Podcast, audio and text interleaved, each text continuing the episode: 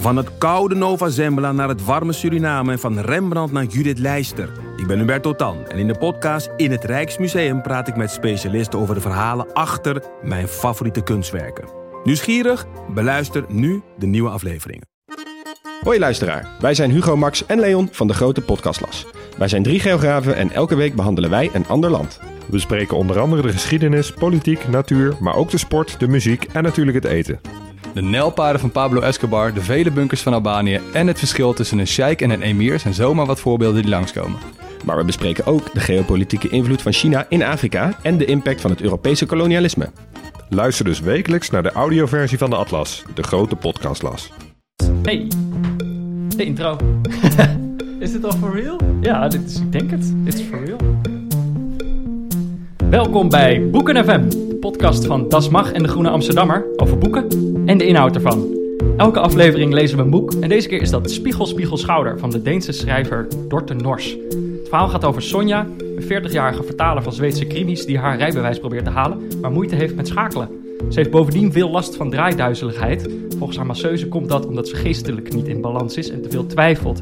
Sonja is niet het type dat gelooft in zulke intuïtieve geneeskunde, maar er zit wel wat in. In haar leven zit weinig richting. Ik ben Peter Buurman en ik praat vandaag over Spiegel Spiegel Schouder met Ellen Dekwits, literair columnist van NRC. Hallo. Hey. En Joost de Vries, redacteur van de Groene Amsterdammer. Hallo.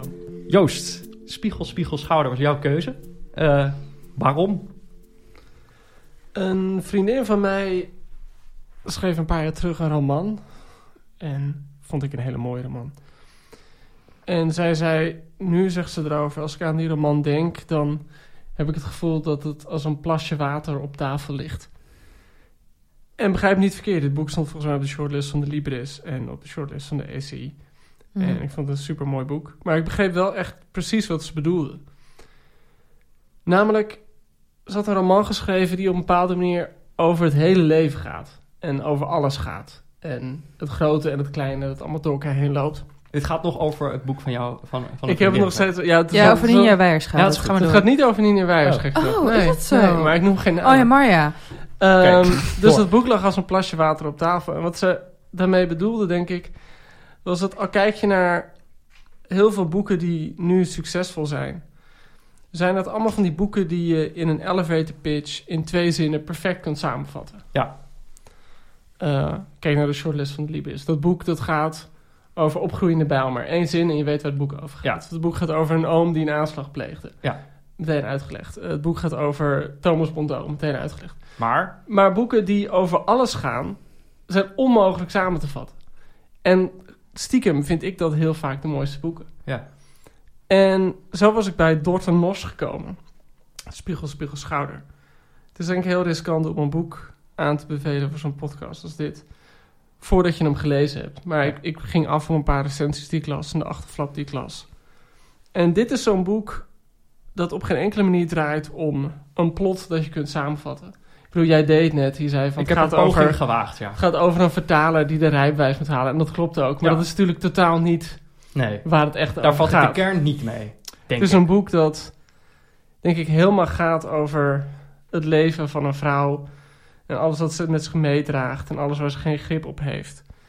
En alles dat ze probeert recht te zetten. Zonder dat het per se het boek nu gaat om een soort closure. Of naar een bepaalde zuivering toeleeft. Ja. Ik bedoel, je hebt, dit is echt zo'n zeldzaam boek.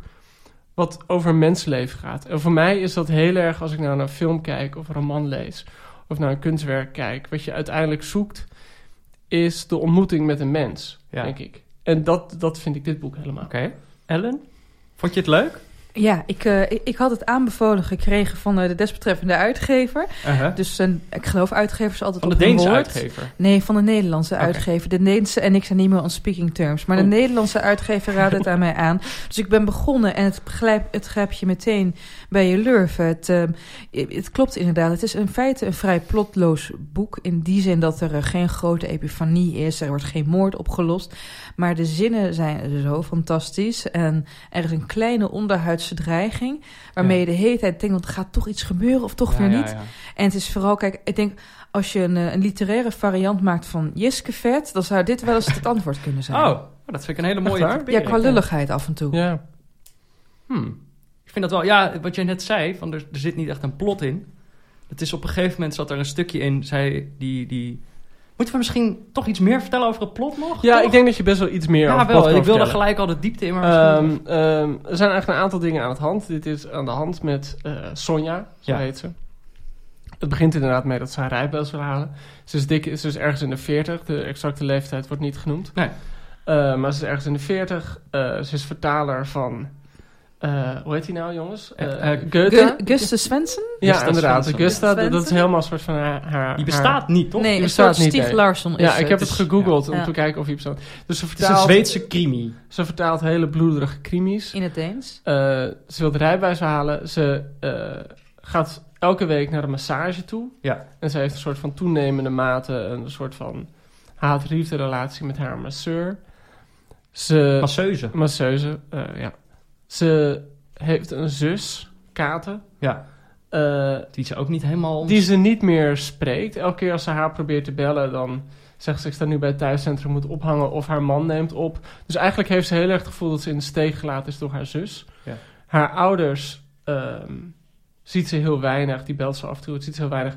Want die wonen nog in een klein dorpje waar ze oorspronkelijk vandaan komt, in Jutland. En zij woont inmiddels in Kopenhagen. Dus de grote stad. De grote stad noemt ze dat, vind ik heel lief. Ja. Eh, dus er zijn wel de en dan volgens gaat ze in die rijlessen stapt ze over. Ze heeft eerst een vrouwelijke rijinstructrice die heel verbaal is. Eh, heel bijna op het agressieve af. En volgens, dat vond ik een hele leuk verhaallijn, staat ze er dan op dat ze ehm, de rijles vervolgt met de eigenaar van de rijschool. Ja. Volken. Volken. eh, waar ze de onsterfelijk slechte grap over maakt dat hij dan in een volkenwagen rijdt. Ehm, waarvan ze eigenlijk veel fijner les krijgt, maar waar ze wel de hele tijd van uitgaat dat ze uiteindelijk verkracht zou worden in die auto. Ja. Want, want Hij pakt de hele, zij, zij- heeft dus moeite met ze kan schakelen. niet schakelen. En hij, dan heeft ze zo de hand op de, vers- op de versnellingspook. En dan legt hij de hele tijd ook zijn hand daarop.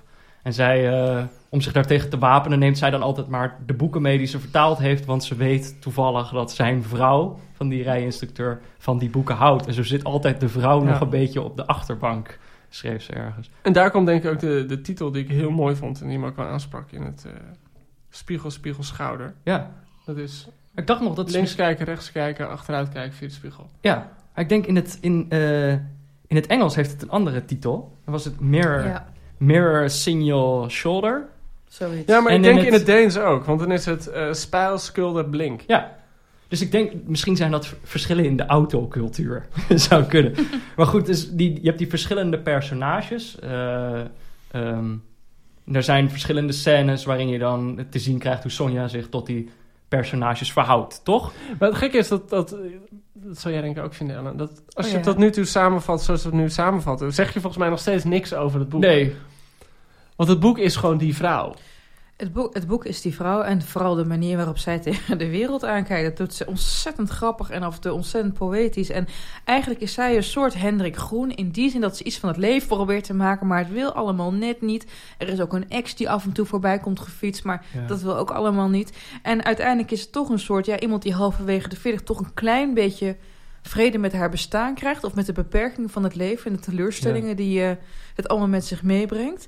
Maar daarmee doe je het alsnog tekort. Ja. Want het gaat ook over natuur. Het gaat ook over hoe graag we eenzaam willen zijn. Het gaat ook over hoe het is om een vrouw te zijn die Ja. wel zichzelf is, maar niet goed afgestemd is als vrouw, zoals Sonja ergens. ja, ze heeft hele lange benen of zo. Ze heeft hele lange benen, maar ook sociaal wil het allemaal toch net niet klikken met haar en de rest van de mensheid. En dat vind ik eh, heel mooi. En ehm, het zijn echt de zinnen. Per zin denk, heb je eigenlijk wel een soort hoera-ervaring bij deze roman. Het is zo ontzettend grappig. Kijk, Welke zin had jij, hoera? eh, heel veel zinnen. Ik, ik, zal, zal, zal ik hem zal ik bijvoorbeeld de eerste, de eerste pagina. Ja. Je bent een echte doorzetter, zei haar moeder altijd. En dat klopt. Sonja geeft niet op. Dat zou ze wel moeten doen.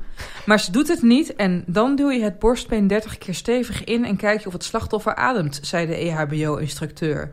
Ja, vind ik heerlijk. Dat het opeens overschiet van... eh, Ja, maar ook de grap erin. Weet je, dat ze eigenlijk wel Ja. zou moeten opgeven dat hele droge haast, dat Hans Tielweske. ja.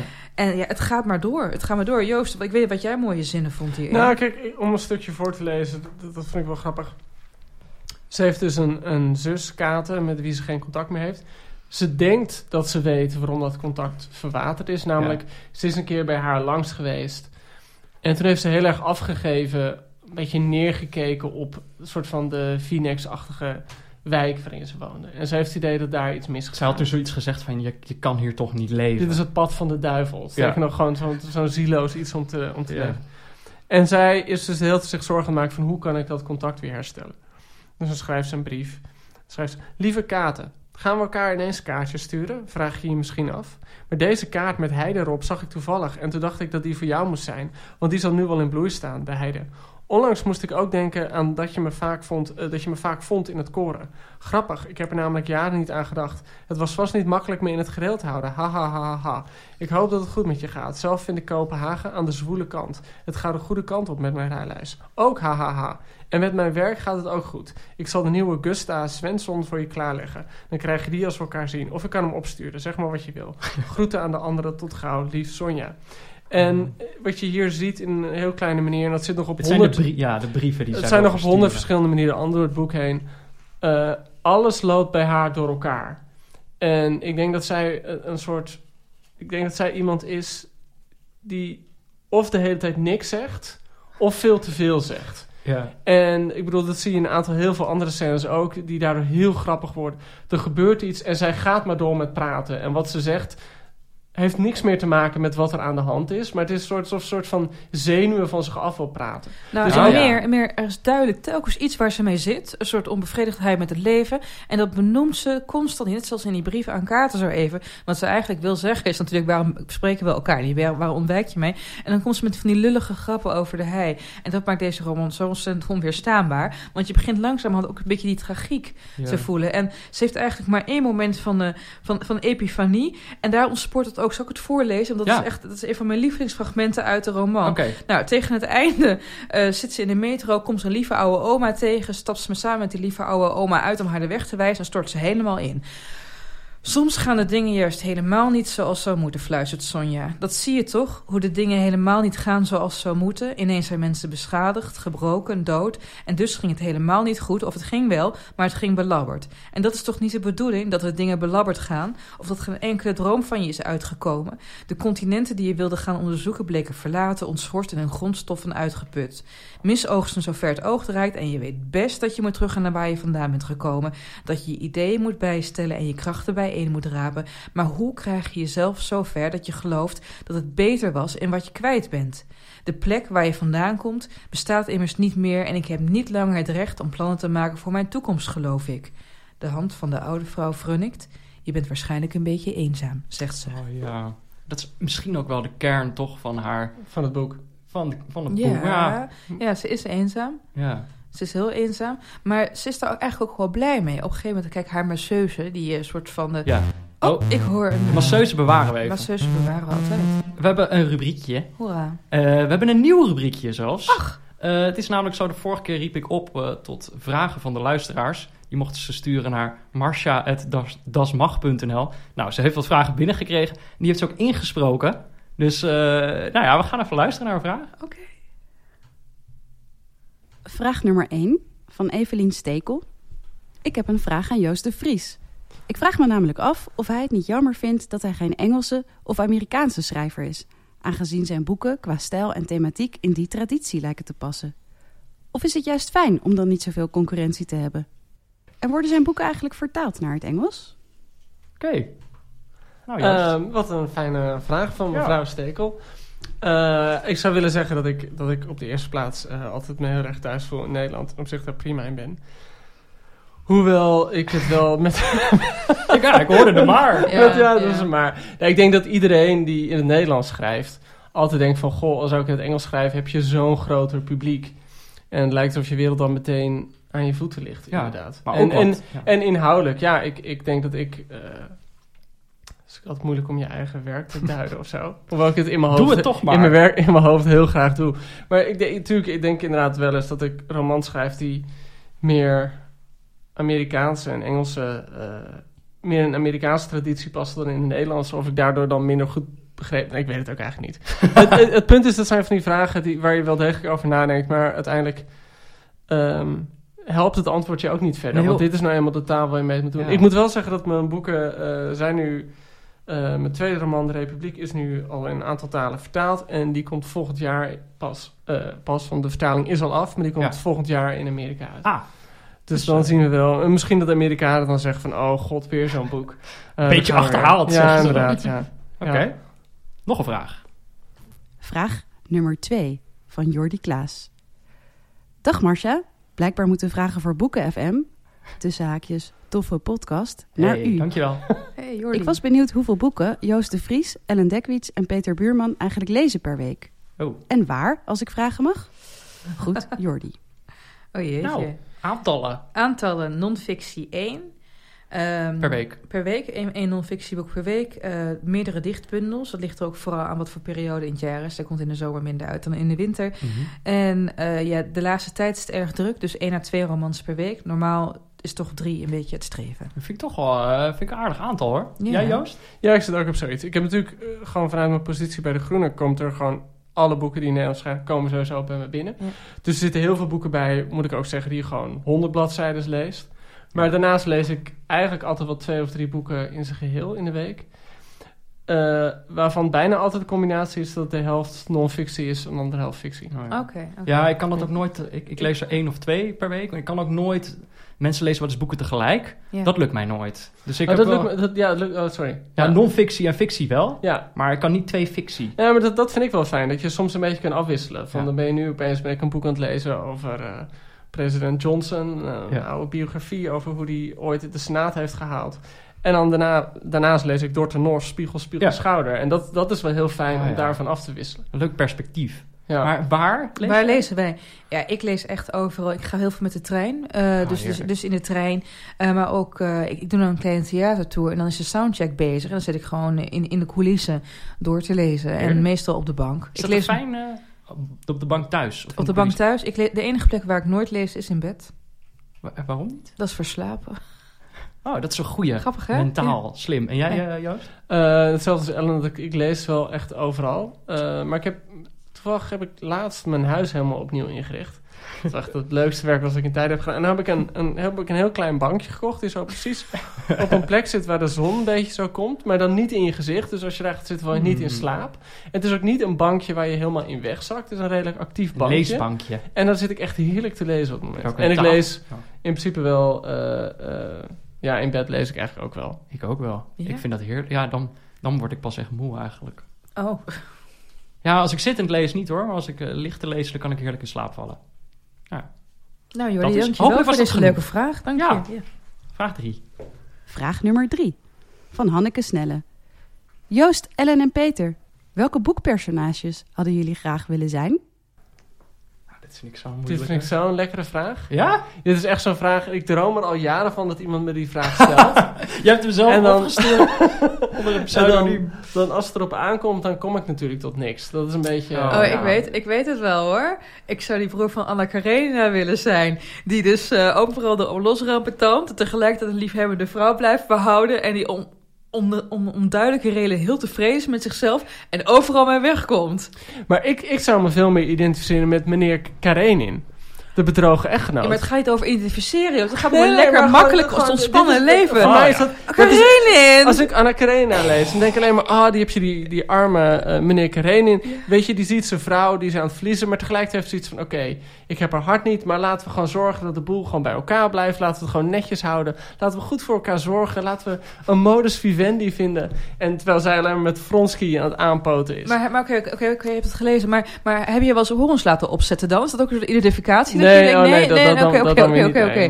Maar Joost, is, die, die, die man, die, die, die, die, Karenin is ontzettend is een lulletje rozenwater. Die is alleen maar zijn bijbelgedoe Ja, maar en als weet Joost je... dat is zo gewoon zo'n zo'n nette man die zijn overhemden strijkt. Weet je, dat Ja, wel... ja, maar, ja, maar dat, dat stelt me teleur, Joost. Ik had eerder gedacht dat jij een hoofd uit Heart of Darkness of zo, weet je wel. Of, of, of, eh, Ja. of Emma Bovary desnoods. Dat je... Ah. Ik, heb, ik heb Anna Karenina niet gelezen, sorry. Dus Oh, ik kan, anders dacht ik, is grappig, dan zeg sorry, ik ook ja. een... eh, kon, je, me- kon je meenemen, ja, ja. ik zit hier nu een beetje te kijken van waar gaan Als we jij nu zou eigenlijk zeggen, ik ben Vronsky, dan ben je wel... Dan, dan Ja, ben je dat tof. zou ik kunnen doen, maar dat, dan zeg weet maar, ik dat, is de, dat is de cavalerieofficier met Ja. wie Anna vreemd Met gaat. een, vind een heel leuk kneveltje. Wat mijn moeite is met de vraag is dat ik denk van... stel, ik zou een van die personages zijn... dan zou het verhaal heel anders gaan. Weet je wel? Dus dan is dat, klopt dat hele verhaal al niet meer. Nee, nee, nee, maar het gaat erom met welke persoonlijkheid je dus ook Ah, ja. opgezaad zou willen zitten. Ah ja. En dan het liefst Maar met... je krijgt niet je eigen persoonlijkheid in het lichaam van dat personage. Nee, nee, Peter. Oh, maar dan vind ik het wel helemaal lastig. Moet ik daar wel helemaal lang over nadenken. Ik zat te denken, eh, maar dat is een film, dus het is niet echt een boek. Misschien is het wel gebaseerd op een boek. Maar je hebt in de Truman Show. Die Truman die gaat op een gegeven moment... Ja, voelt je true. Ja, nee, nou ja, dat is, in ieder geval voelt iedereen zich wel eens, denk ik. Het gevoel dat je allemaal in een, eh, in een televisieserie zit. Maar hij gaat op een gegeven moment zo dat, dat deurtje door. En ik wil dan wel weten wat daar, wat daar achter dat deurtje precies zit. Nou ja, het is, ik weet niet of het een boek is. Anders dan mogen ze dit antwoord eh, vergeten. Ja. Oké, dan was dit het rubriekje. Toch, we hebben geen vragen meer. Ja. Nou, leuk. Heb je nou ook een vraag? Stuur hem dan op naar marsha.dasmag.nl. Het hoeft ook niet een vraag te zijn. Je mag ook gewoon iets heel aardigs zeggen. Maar stuur vooral, vooral deze vraag die we net stelden nog een keer. Want dan kan ik er volgende week... Ja. Ja, ik denk nu, waarom heb ik niet Hermelien Griffel Ik- gezegd? Ik, ik wil Ja, ik dacht Harry ja, Potter, maar dat ja, vind ik zo'n ja. sukkel eigenlijk. Hermelien is wel leuk. Oké. We denken Eh. De masseuse. De masseuse heet eh, Ellen, fantastische naam, overigens drie sterren daarvoor al. en zij is een beetje zo van die nieuwe age hippie cultuur. Ze wilde heet Sonja meenemen naar de wilde bossen om daar korst te leren bevingeren. En daar vooral heel erg bij stil te staan en van te genieten. En Sonja, ja, je denkt aanvankelijk in het begin van het boek... dat ze een beetje een kansloos figuur is op sociaal vlak. Ze wordt daadwerkelijk door mensen uitgenodigd en meegevraagd om deel uit te maken van hun leven. Zo ook deze masseuse. Ja. Maar ze glipt halverwege dat korst bevingeren weg. ja, die mensen gaan mediteren in het bos of zo? Ja, ja, ze heeft het helemaal gehad dan. Dus ze zegt dat ze moet plassen, maar dat ze niet in de openbaar kan. Dus ze vlucht weg. En ehm, verderop lees je ook meermaals dat ze gewoon het liefste gewoon alleen is. Ja. Maar dat mag niet in deze samenleving, die- want dan ben je een sneu geval. ja. Dus dan gaat ze maar stiekem op begrafenissen lezen. Maar ik vind die scène dat ze eh, met die masseuse gaat mediteren in het bos... vind ik heel exemplarisch, denk ik, voor wat voor soort boek het is. Ze loopt mee en aan de ene kant wordt ze uitgenodigd... en eh, ze vindt het fijn dat ze wordt uitgenodigd. Ja. Ze zegt eigenlijk tot haar schrik dat ze meegaat. Ja. Want eigenlijk vindt ze het ook maar niks. Nee. Dus het is een beetje zo ambivalent erin. Eh, vervolgens zegt ze, ik kom wel met de trein. Maar dan zegt die masseuse, nee, rij maar met mij mee. Dus dan eigenlijk al tot de tegenzin zit ze... Alles gebeurt tot haar in, in tegenzin. Ja. Eh, vervolgens lopen ze daar rond en ze gaan daar naartoe. En het wordt eigenlijk dan in de tekst niet heel duidelijk uitgesproken... dat ze per se weg wil. Nee. Je krijgt eigenlijk alleen maar het verhaal dat zegt, oh, ik moet plassen. En dan zeggen ze van, nou ja, ga gewoon achter de bosjes. En dan zegt ze, ja, nee, maar ik wil niet wild plassen... want ik ben bang dat ik betrapt word. Ja. Dus ik loop even terug naar het dorpje daar. En dan ga ik daar wel plassen. En vervolgens zie je dus wegrennen. En merk je dus meteen dat ze absoluut niet eh, van plan is terug te komen. Maar Ja. het is dus heel getrapt opgeschreven. Dat je weet niet meteen wat gaat gebeuren. Dan gaat ze naar het dorpje toe. En dan gaat ze in een café naar de wc. En dan bestelt ze. En dan weet je pas dat ze niet terugkomt eigenlijk. Omdat ze dan opeens een stuk appelgebak met slagroom. Dat vind ik ook heel mooi dat er dan staat. Ze kiest de taart, het punt uit met het meeste slagroom. Dat jij denkt. en koffie. En vervolgens blijft ze daar dan een beetje gek rondlopen. En breekt er een, een noodweer uit. En dan loopt ze eigenlijk door de regen heen.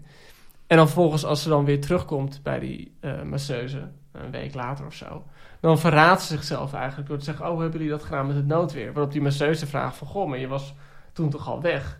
Eh, dus dus eh, je, ziet je ziet iemand die aan de ene kant, en dat is denk ik heel erg het spanningsveld in dat boek, die de hele tijd ook wel contact zoekt met mensen en tegelijkertijd ook gewoon alleen wil zijn. ja. En, en daar gewoon geen goede balans in weet te vinden. Wat ik bij die, ehm, bij die masseuse had, is, eh, ik heb eh, een stukje uit het boek. Is de, de manier waarop Ellen, dat is dus de masseuse, de manier waarop Ellen andermans lichaam leest, doet Sonja trouwens denken aan haar colleges, colleges tekstanalyse op de universiteit.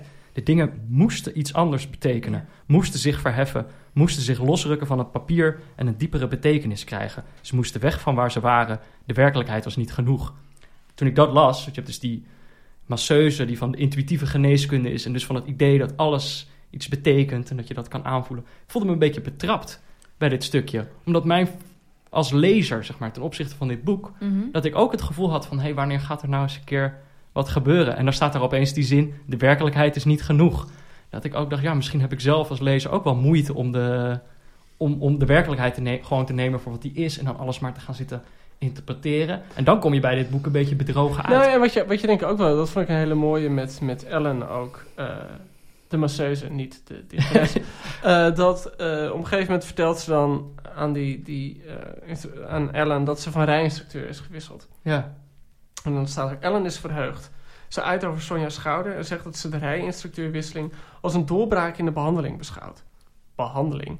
En dat is, dat is denk ik wat er heel erg doorheen schuilt in dat hele boek. Ik bedoel, als je het gaat interpreteren, kom je daar denk ik uit dat iedereen haar wel ook een beetje als zielig ziet. Ja. En iedereen heeft de hele tijd bij haar het idee, er moet iets gebeuren met haar.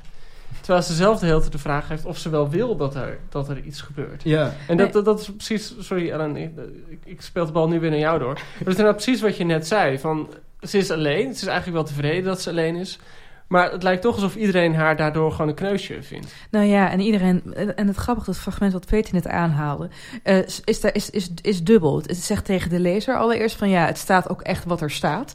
En ten tweede, heel veel mensen lopen. eh Sonja van het begin al ervan te overtuigen dat ze weg moet uit Jutland, uit het eh, middle of nowhere, dat ze naar de grote stad moet in Kopenhagen. En steeds vaker in de roman vraagt ze zichzelf af of dat eigenlijk wel de juiste keuze is. Waarom zou ze niet tevreden zijn met die outsider-positie? Waarom wil iedereen haar de hele tijd ook bewerken? En dat vind ik dus echt het, eh, het, het fijne er. En het is aan de andere kant een pleidooi voor authenticiteit, maar niet voor hippe authenticiteit. Van ik sta op een berg en klop me op de borst. Het, het is, het is een pleidooi voor het kneuzenschap. ja. Voor iemand die het liever op... eh, dat komt ook trouwens ook in haar andere boek. Ze heeft een hele mooie verhalenbundel, ook in het Nederlands verschenen karateslag. Waarin eh, ook vrouwen zijn die gewoon liever op een begraafplaats even lekker boeken gaan lezen, omdat er geen hond is. Dat Ja. zit hier Ja. ook in inderdaad. Ja, Ja. ja, ja, ja, ja. ja, ja. Ze, ze, ze wil gewoon het liefste ergens zijn waar iedereen zijn bek houdt. Ja, Ja. dat Ja, ken ik wel. is leuk. ja. Ja, ik vind dat wel een mooie typering eigenlijk. Dat is wel... eh dan Wat- komen we toch langzamerhand toch wel dichter bij wat de kern eh, van Ja, het nou, ik denk dat er nog wel twee dingen zijn als je een kern zoekt die, die voor interpretaties eh, eh, zich lenen. De eerste is, daar begint het boek mee, met, het, met de term achterhart. Ja. Vond ik Ah, een ja. hele mooie. Ze beschrijft Ja. dat ze gemasseerd wordt en ze ligt op haar buik. En ze wordt gemasseerd door Ellen eigenlijk tussen haar schouderbladen in. En dat is inderdaad zo'n heel gek gevoelig plekje... waar heel veel zenuwen en spieren over elkaar heen lopen. En dat noemt zij, term die ze zelf zint, het achterhart. Ik kan er zelf ook nooit zo goed bij. Ja, je kan er zelf ook niet bij, maar als je een dolk in je rug krijgt... dan krijg je hem daar. Ja. Dus eigenlijk, en dat, die, dat boek, die term komt natuurlijk ook aan het einde van het boek eh, ook weer terug. En dan Ja. denk je, oké, dat, dat, dat, ik bedoel, dat is wel echt zo'n mooi symbool van... het hart zit niet op de plek waar je het verwacht, maar het zit ergens anders. Het tweede, wat denk ik... Het, hart- het hart zit waar je niet bij kan. Ja, ja, sorry, Nee, maar het is vooral- lulliger dan het is. Ja, Mooi nee, gezegd.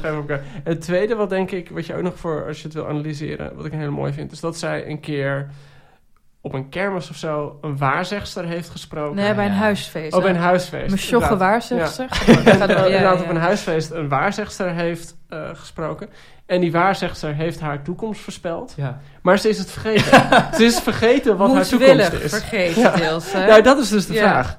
Ja, en ze weet op een gegeven moment ook, ze laat zich dingen heel vaak overkomen. Want die waarzegster, dat weten we nog wel, van die zogeheten profetie, dat ze een man gaat tegenkomen die haar ongelukkig maakt. Oh, ja. Een paar weken later komt ze de wat ja, kneuzige vertaler Paul tegen.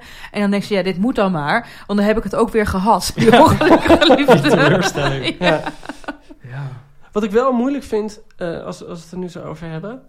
Eh, ik heb wel, en we, we praten er heel serieus over. En, en eh, omdat het ook gewoon een serieus boek gaat over eenzaamheid en over jezelf durven zijn en afgezonderd durven zijn. Ik heb wel heel vaak om moeten lachen. Ja, ik ook. En eh, op een of andere manier is dat soms moeilijk om uit te leggen waarom iets grappigs is. Ik zat te denken, het is wel heel erg eigenlijk voor de lezers van Esther Gerritsen ook. Het is een bepaald soort Droogheid. hoekige, droge, eh, absurde, maar net niet absurde humor. Ze heeft het op een gegeven moment over licht. Ze gebruikt ook wel mooie, mooie eh, eh, eh, originele metaforen. Dus ergens iets van een. Dan gaat het over een, een kikker onder een badslipper, wordt het dan genoemd. Iets gl- glipt weg als een kikker onder een badslipper. En ze heeft het op een gegeven moment over gezichten die licht, licht uitstralen. En dan noemt ze van Halloween pompoenen. Dus dat zijn dan gezichten Ja, ja. als Halloween pompoenen. Moest ik erg Ja, maar ze is ook heel scherp hoe ze de mensen om zich heen beschrijft. Op een gegeven moment heb je hier een stukje. Het is de bedoeling dat de omwonenden hier, een, een, een mooi parkje, samen een biertje gaan zitten drinken. Maar het type omwonend dat met een biertje buiten wil zitten, kan zich niet permitteren om in deze buurt te wonen. Dus die wonen weer ergens anders. Ja, ja, die had ik ook opgeschreven. Ja, ook heel erg is, eh. En, ja. dat, dat- en wat, wat, wat zij ook deelt met Esther Gerritsen... is dat het een personage is met een heel grote zelfspot. Dus ze doet idiote dingen... maar ze weet ook dat, ze, dat het idioot is wat ze doet. En toch Ja. kan ze zichzelf niet helpen. En dat maakt haar ook... dat vind ik ook wat het zo tragisch en zo grappig tegelijk maakt. Het is echt iemand die heel veel beter weet... maar gewoon... Het lukt maar niet. Het lukt niet. Ze zitten gewoon in vast. Ja, En- maar wat en- ik wel mooi vind, aan het begin vond ik dat heel frustrerend. Dat je het idee had van, kom op nou. Maar naarmate zij daar zelf eh, meer vrede mee lijkt te hebben of zo, krijg je daar ook als lezer veel meer tevredenheid eh, mee of zo. Kon ik me daar veel beter... Nou, wat wat wel grappig is, ik ben ook wel benieuwd hoe jullie dat hadden. Of jullie er meteen in zaten in het boek. Ik had namelijk iets, een, een, een vriendin van me las dit boek ook. En die had exact hetzelfde als ik. Die vond de eerste 20 bladzijden heel grappig. Toen begon ze het boek heel irritant te vinden. En toen nog eens 20 bladzijden daarna vond ze het gewoon heel fijn en heel leuk. Ja. Ik, had hetzelfde even zo'n curve waar je doorheen moet of zo. Dat je echt denkt van, is dit het Ja, nou? Of ik wat? weet niet of ik het in het begin al grappig vond. Het was voor mij wel even dat ik, dat ik echt even moest wennen van waar heb, wat voor boek heb ik eigenlijk te maken hier. En dat ik, eh, nou toen ik dat eenmaal had, toen vond ik het ook wel heerlijk om er door te blijven gaan. Maar daarvoor was het wel telkens... Oh, Oh, oh jongens. oh ehm, eh, zullen we het even over het omslag hebben? Aan de Oh. buitenkant. Misschien kunnen we dat beter niet doen. Nee, of liever niet. Het is echt niet om aan te zien, Het is jongens. echt, hoe kan dit? Nee. Eh, misschien moeten we eh, voor de volledigheid eh, erbij zeggen... dat het is uitgegeven door uitgeverij Podium. Ja. Het is Nee. vertaald, want we mogen nooit de vertaler vergeven, vergeten... door eh, Edith Koenders. Edith Koenders. Wat Mooi grappig werk. was, ik dacht van... Mooi dat is toch die minister? Maar dat is Edith Schippers en Bert Koenders. Dus, maar goed, eh, het is volgens mij denk ik heel goed vertaald. Het voelt heel erg eigen aan. Eh, dus dus eh, kudo's aan de vertaler. Absoluut. Absoluut. Alleen niet zozeer kudo's aan de vormgeving, denk Of ik. de keuze voor Ja, de, de keuze voor de vormgeving. Want als vormgever word je natuurlijk ook Ja, soms maar door de precies. PR- en verkoopafdeling in een hoekje gedrukt. Wat zien wij, lieve mensen, op dat omslag? Wij zien een vrouw van de achterkant in de auto zitten, blond haar. Er staat een Elvis Look Charm erbij. De ondergaande zon is in beeld. Het is dan een beetje wazig gefotografeerd. Ja. En je denkt, ja, dit is echt zo'n duizend en één roman die bij de Bruna voor vijf piek ligt. Als Ja. je tegen vakantie denkt, nou, ik moet nog wat te lezen meenemen. Ja, maar zo'n fijn. Middelmarch past niet meer in de tas. Kijk, wat één ding wat al niet kan, is dat die blonde vrouw op die foto zit in de eentje achter het stuur. Kan niet, want Sonja heeft geen rijbewijs. Het is ho, ook- ho, het is een utopische foto, hè? Dus dit is Sonja als ze haar rijbewijs heeft. Maar ja, oké, oké, nog een ander ding. Toen ik zag ik die, die, jij noemde het een Lucky Charm? Nou ja, of het is een beeldje van Elvis. beeldje van Elvis ja. dat op de hoedenplank. Toen ik dat zag, dacht ik, oh, dat zal wel een rol spelen in het verhaal. Maar nee hoor. Dus wat doet die Elvis daar op die Ja, cover? kijk, wa- wat je aan moet zeggen, is A, het is echt een beetje zo'n vintage hipster auto die je ziet. Ja. Ja. dat past al helemaal niet bij het boek. De vrouw heeft lang blond haar, is niet heel lang. Dat past dan niet bij Sonja, want Nee. eh, Elvis staat er, heeft niks met Elvis te maken. En als je die foto ziet, denk je, oh, dit is een, eh, een boek over een eh, roadtrip in Amerika. En een vrouw die zichzelf gaat ontdekken. Ja, En of een filmeditie van een een film, film- over een het- Het ziet er roadtrip. heel erg uit als Ja. een film. Dus eh, jongens, ja, dat omslag is een beetje duizend in één. ja. nou ja, dat is eruit. Oké, dat is eruit. Ja. Jongens, dat is het enige Heerlijk. dat ik... Ja. Er is nog één ding. Ja, Ellen noemde het al even. Of er zijn misschien wel meerdere dingen. Dat bepaal ik natuurlijk niet. Maar er is eh, wat mij betreft nog één ding. Eh, jij had het al over. Er, er, is een, er is toch een soort sinistere ondertoon. Je hebt het gevoel van er gaat misschien nog wel iets gebeuren. En deels zit dat volgens mij in. Je hebt die, die krimis die Sonja Mhm. vertaalt. Gust, Gustav Svensson. Gusta Svensson. Die schrijft krimis waarin over het algemeen vrouwen nogal bruut vermoord Ja, en vrouwen en worden. kinderen. En Ja. aan stukken gereten en gehakt en Die zo. gaan de hele tijd dood. Ja, dus je hebt een dreigende ondergrond. Eigenlijk haast net zo in Libby Paul Bones Menuet... waarin de roman vergezeld wordt van allemaal afschuwelijke krantenartikelen... over kinderen die door een fileermachine gaan en zo.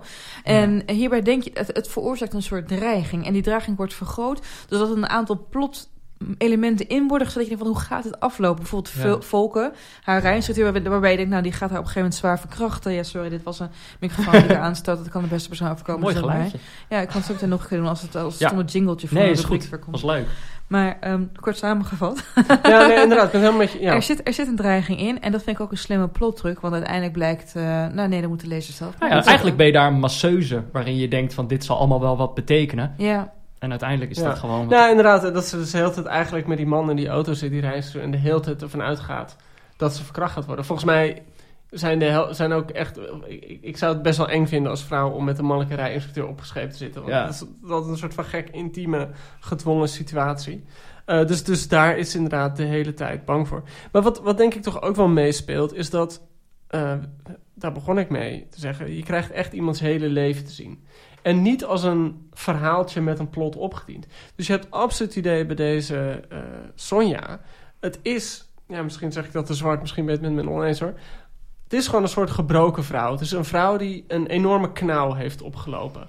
En je vraagt je de hele tijd af, waar is dat nou precies gebeurd? Waarom wil haar zus het nou precies niet meer zien? Ja. Waarom is ze eigenlijk zo ver weg van haar ouders en dat dorpje waar ze is opgegroeid? Waarom is ze zo alleen? Je bent wel de hele tijd eh, terwijl je dit boek leest. En dat, dat zorgt voor een hele goede onderhuidse spanning. Op zoek naar wat, wat is nou precies met haar gebeurd. Ja. Maar je, ook de vraag, moet er wel iets gebeuren om in zo'n positie terecht te komen? Totaal.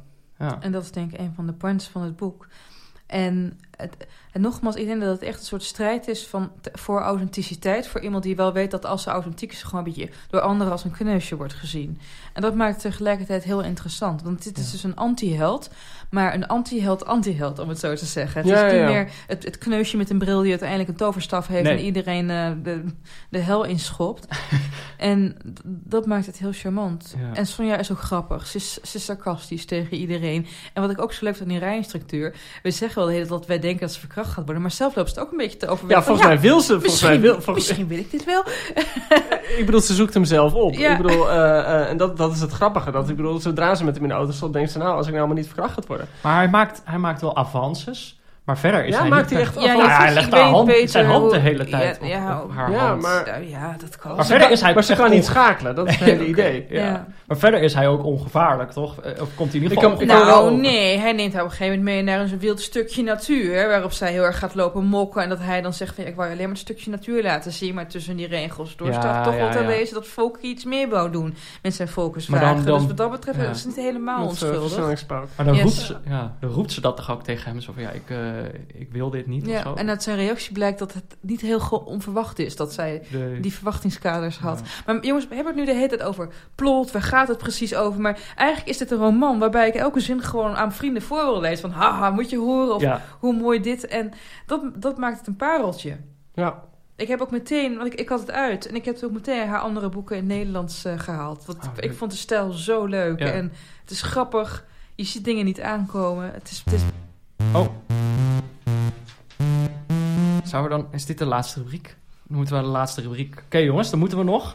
Twee dingetjes. We moeten nog een blurb... Een blurb geven. Staan er al blurbs op? Mooie blurbs? Volgens mij zit Jaap Robben staat erop, toch? Oh, en- Ehm, ja, we hebben Jaap Roppe. Stuk voor stuk. Fantastisch. Oh, dat ging over, die, Voor- over dat verhalenbundel. Eh, Hmm. Ja, dit boek stond dus trouwens, dat moet gezegd worden. ehm, want voor de rest weet ik heel weinig te vertellen over Dorthe Nors, behalve dat ze in 1970 is geboren. Ja. En geldt als een van de meest originele schrijvers van Denemarken. Eh, maar dit boek stond dus eh, niet verkeerd op de, de Engelse vertaling van. Stond op de shortlist van de Man Booker Prize International. Ja. Dat is natuurlijk wel een van de meest prominente prijzen die je kunt winnen. Dus dat zegt ook wel iets over Zeker. dat dit een boek is dat niet alleen in Denemarken en nu in Nederland wordt opgepikt, maar gewoon wel echt Nee, het internationaal. is internationaal ook echt opgepikt. En zij heeft ook al met haar voorgaande verhalenbundel, Karateslag, eh, heeft ze ook echt al de wereld over gereisd. Ze is ook geïnterviewd op Paris Review of Books. En waarin ze ook een aantal interessante dingen vertelt. Zij heeft qua leven ook heel veel gemeen met Sonja zelf. Dus ook in Jutland opgegroeid. Ook gevlucht naar de stad. Heeft ook krimis eh, Ja, verteld.